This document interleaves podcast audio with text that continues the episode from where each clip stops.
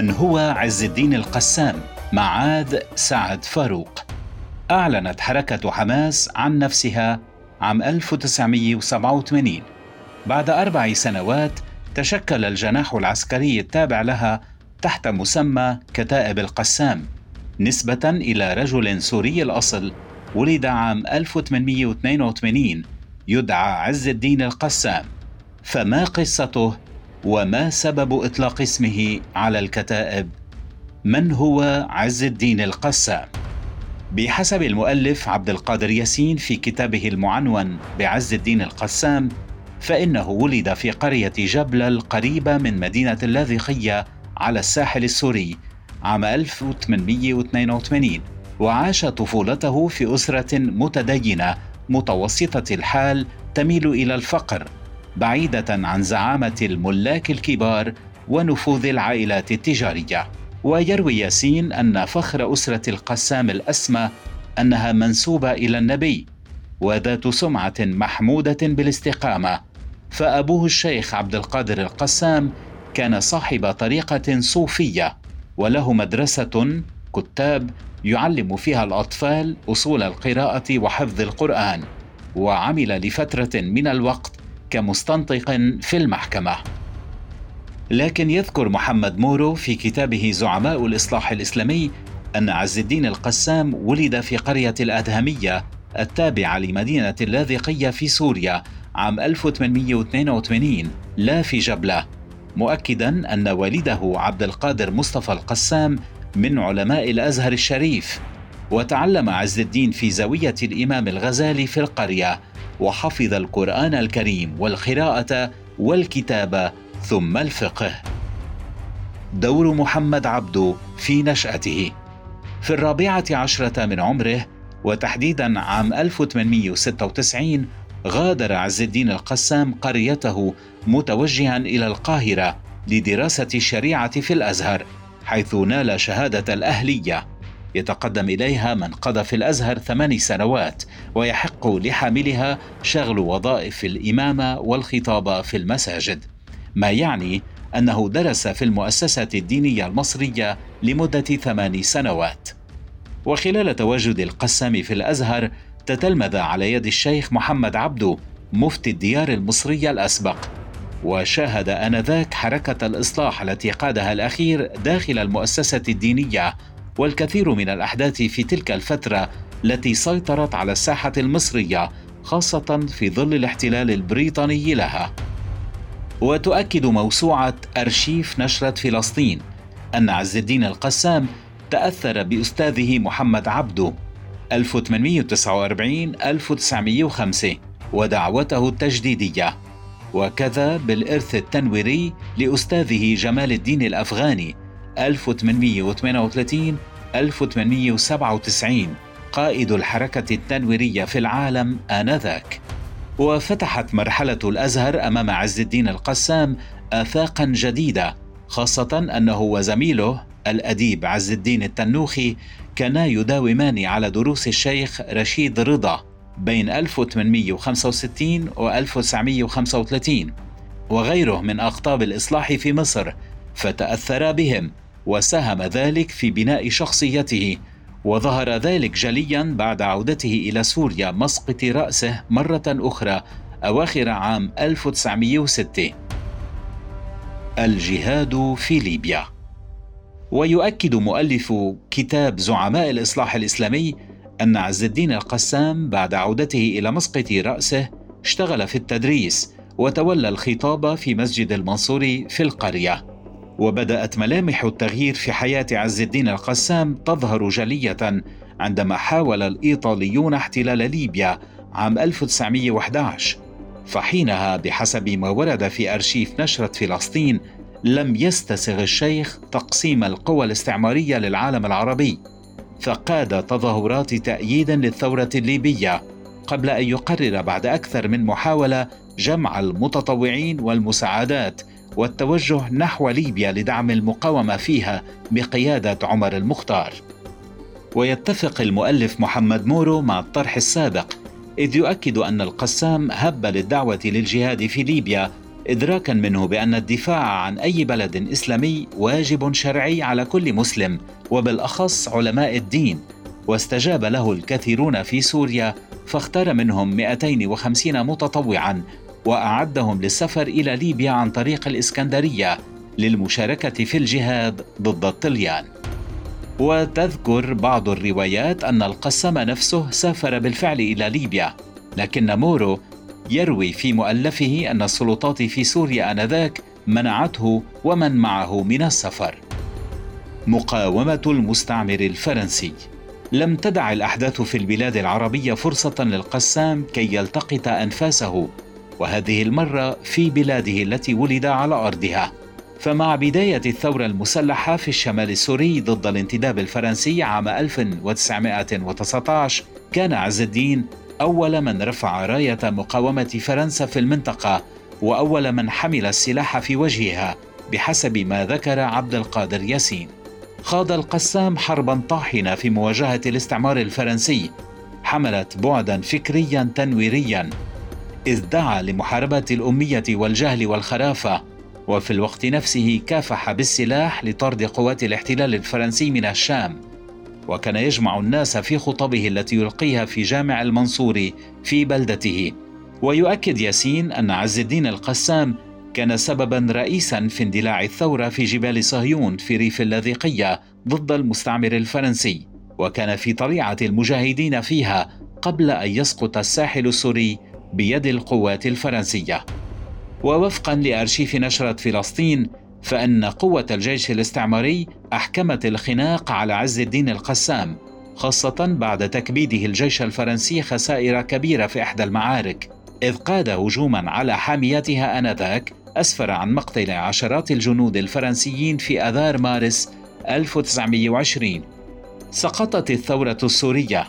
لكنها جعلت عز الدين القسام يعيش تجربة هي الأغنى في حياته جعلته مستعدا لما هو مقبل عليه فبعد الهزيمة في معركة ميسلون الشهيرة في 24 تموز يوليو عام 1920 قرر اللجوء وعائلته إلى دمشق ومنها إلى حيفا في فلسطين أواخر صيف عام 1921 وهناك بدأ مرحلة نضال جديدة. لماذا استقر في حيفا؟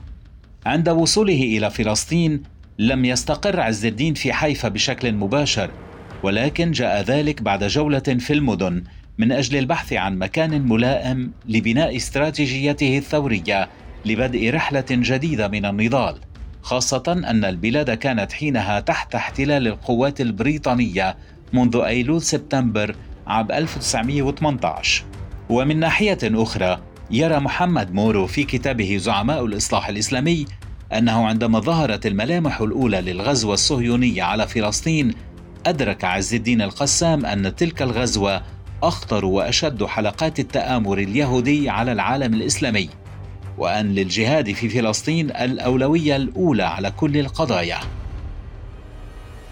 وبناء على ذلك كان القسام يسعى إلى بناء حركة تنويرية وكفاحية لمواجهة مخاطر الهجرة الصهيونية التي أخذت شكلا استيطانيا. وجاء استقراره في حيفا كونها ملتقى للتجار وكذلك ملاذا للعمال والفلاحين المطرودين من أرضهم بسبب سرقتها منهم من طرف الصهاينة بحماية بريطانية صارمة بحسب أرشيف نشرة فلسطين. عمل القسام مدرسا ثم اماما وخطيبا في جامع الاستقلال في حيفا ما وفر له وسيلة لإعداد المجاهدين وصقل نفوسهم وتهيئتها للقتال معتمدا اختيار الكيفية دون الكمية وهو ما يؤكده محمد مورو في كتابه زعماء الإصلاح الإسلامي قائلا إن عز الدين القسام بدأ من حيفا في العمل على نشر الوعي الجهادي بين جماهير فلسطين والتنبيه المبكر إلى خطورة الهجرة اليهودية إلى البلاد. وألقى الخطب في المساجد والمناسبات الاجتماعية كالأفراح والاجتماعات وغيرها. ولم يتوقف الأمر عند ذلك بل أسس القسام المدارس وفصول محو الأمية وتعليم الصغار. وكذلك جمعية الشبان المسلمين في فلسطين لتكون أداة في المواجهة على مستوى الوعي والتعليم والجهاد. تشكيل عسكري. وظل الوافد الجديد على أراضي فلسطين يعمل لمدة ثلاث سنوات. وبعدها استطاع تكوين 12 حلقة عسكرية تحت مسمى العصبة القسامية تعمل كل واحدة منها منفصلة عن الأخرى وتتكون كل خلية من خمسة أفراد أكثرهم من عمال البناء والميناء والسكك الحديدية والباعة المتجولين. وفي أوائل الثلاثينيات ازداد عدد أفراد الخلية فأصبحت تضم تسعة أفراد بعد إخضاعهم لدورات تكوين وتدريب مكثفة فكرية وعسكرية.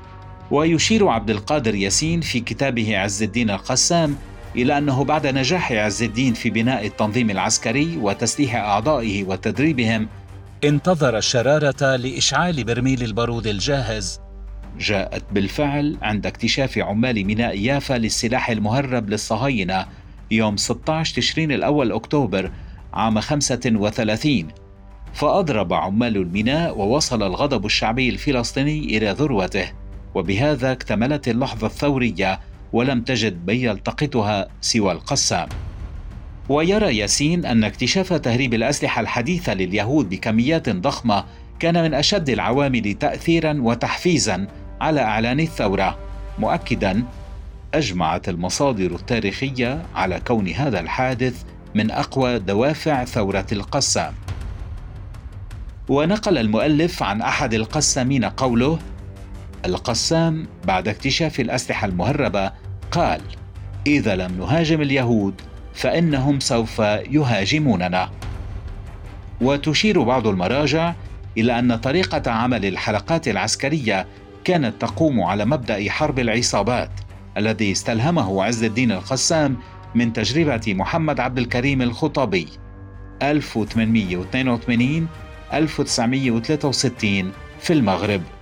وعلى أرض الواقع عسكرة الحركة الثورية في أحراج يعبد بلدة تتبع لمدينة جنين لكن دوائر المباحث والمخابرات الاستعمارية الصهيونية كانت تراقب عز الدين القسام بشكل دقيق متواصل.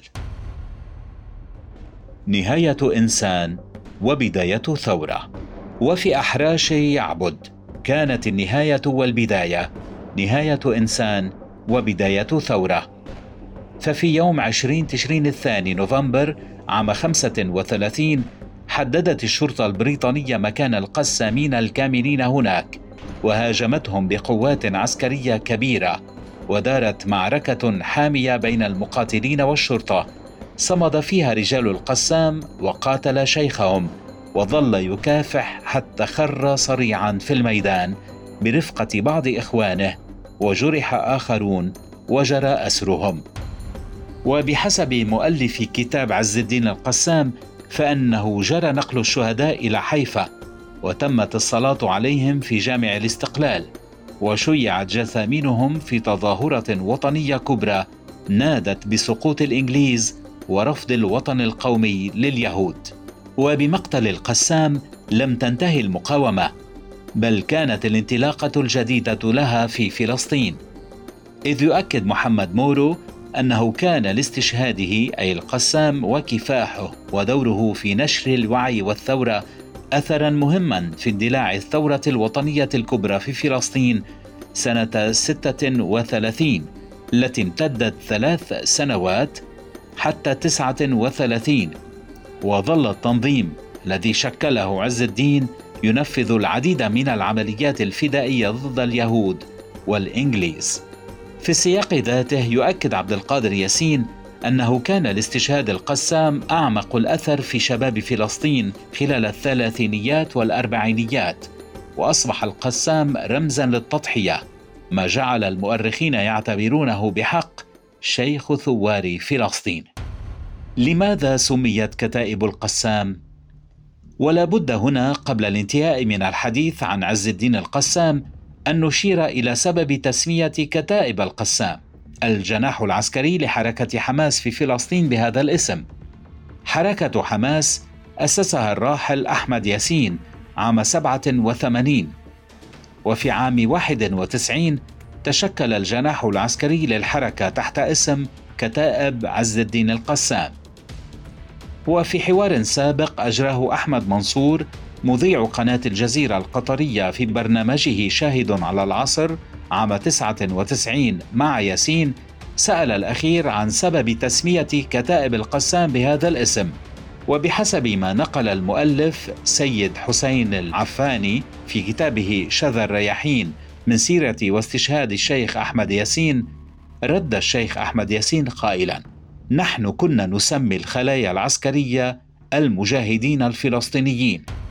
لكن الذين جاءوا بعدنا قالوا نريد أن نسميها كتائب عز الدين القسام لأن الإخوة كانوا يتصورون أن الشهيد عز الدين القسام كان قدوة في الاستشهاد في فلسطين وفي قتال اليهود والبريطانيين ثم نفذ عمليات استشهاد على أرض فلسطين. وتبع الشيخ الراحل وهو أصلا أي القسام سوري جاء من سوريا إلى فلسطين وقاوم. وعمل مجموعات لمواجهة الاحتلال البريطاني في قرية يعبد شمال فلسطين وقاتل وقاوم واستشهد. فأن نعطي اسمه كرمزية للجهاد فهذا شيء جيد.